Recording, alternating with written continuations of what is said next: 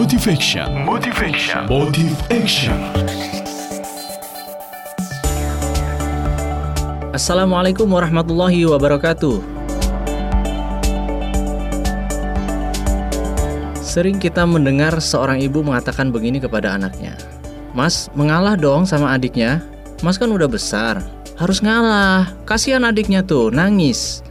Hal itu biasanya terjadi manakala dua orang anak atau lebih berebut memainkan mainan. Biasanya yang terjadi kemudian, si Mas tadi kesal bukan kepala. Dia kesal karena diminta selalu mengalah. Apa dampak jangka panjang bagi anak yang selalu diminta mengalah? Pertama, si anak yang terbiasa mengalah. Biasanya dia sebal bin kesal dengan saudaranya. Tidak tumbuh rasa kasih dan sayang kepada saudaranya karena setiap di kondisi terjepit, pasti si ibu atau ayah membela saudaranya itu. Dan dia diminta mengalah demi saudaranya. Ini tentu bukan investasi rasa kasih sayang yang baik buat tali persaudaraan di masa mendatang, manakala dia sudah besar. Tak jarang ada kecemburuan-kecemburuan perlakuan antar saudara kandung karena salah satunya selalu dipaksa mengalah sejak kecil. Dampak yang kedua, anak-anak yang diminta selalu mengalah cenderung konsep dirinya tidak kuat, gampang digoyang, dan fighting spiritnya lemah. Dia tidak mau memperjuangkan nasibnya. Nasib bagi dia adalah sebuah kepasrahan tanpa perjuangan.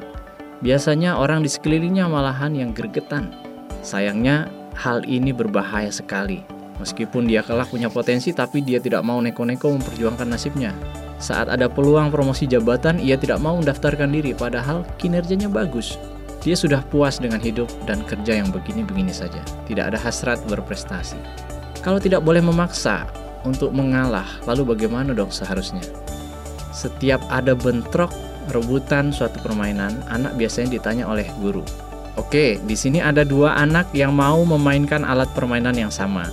Di antara berdua ini, siapa yang mau memberikan kesempatan kepada temannya terlebih dahulu? Negosiasi berlangsung secara dewasa sampai akhirnya tercapai kesepakatan tertentu. Entah si A yang memberikan kesempatan terlebih dahulu atau si B. Anak benar-benar dibiasakan untuk berpikir positif dan berani mengambil inisiatif mau memberikan kesempatan kepada orang lain. So, ayah bunda, mulai saat ini jangan lagi pernah biasakan anakmu untuk selalu mengalah. Tapi biasakanlah dia untuk mengubah mindsetnya dari mengalah menjadi mau memberikan kesempatan kepada orang lain. Mengalah membentuk mentalitas pasrah, inferior, mudah tertindas, kurang fighting spirit. Sementara mau memberikan kesempatan itu mentalitas seorang pemenang, mau berempati, mau memotong ego atas kesadaran diri sendiri, bukan karena paksaan. Kelak, anak-anak yang dibangun dengan pendekatan mau memberikan kesempatan ini akan tumbuh menjadi pemimpin-pemimpin berkarakter kuat, tidak mudah digoyang, tidak mudah didikte, persistence memperjuangkan apa yang ia yakini kebenarannya. Namun, jika memang harus memotong ego, ia tak segan-segan memberi kesempatan kepada yang lebih membutuhkan. Ia potong hawa nafsu berdasarkan kesadaran. Mari optimalkan masa kecil anak agar hidupnya selamat kelak. Saya Pak Ading, Childhood Optimizer Trainer untuk Suara Muslim Radio Network. Assalamualaikum warahmatullahi wabarakatuh.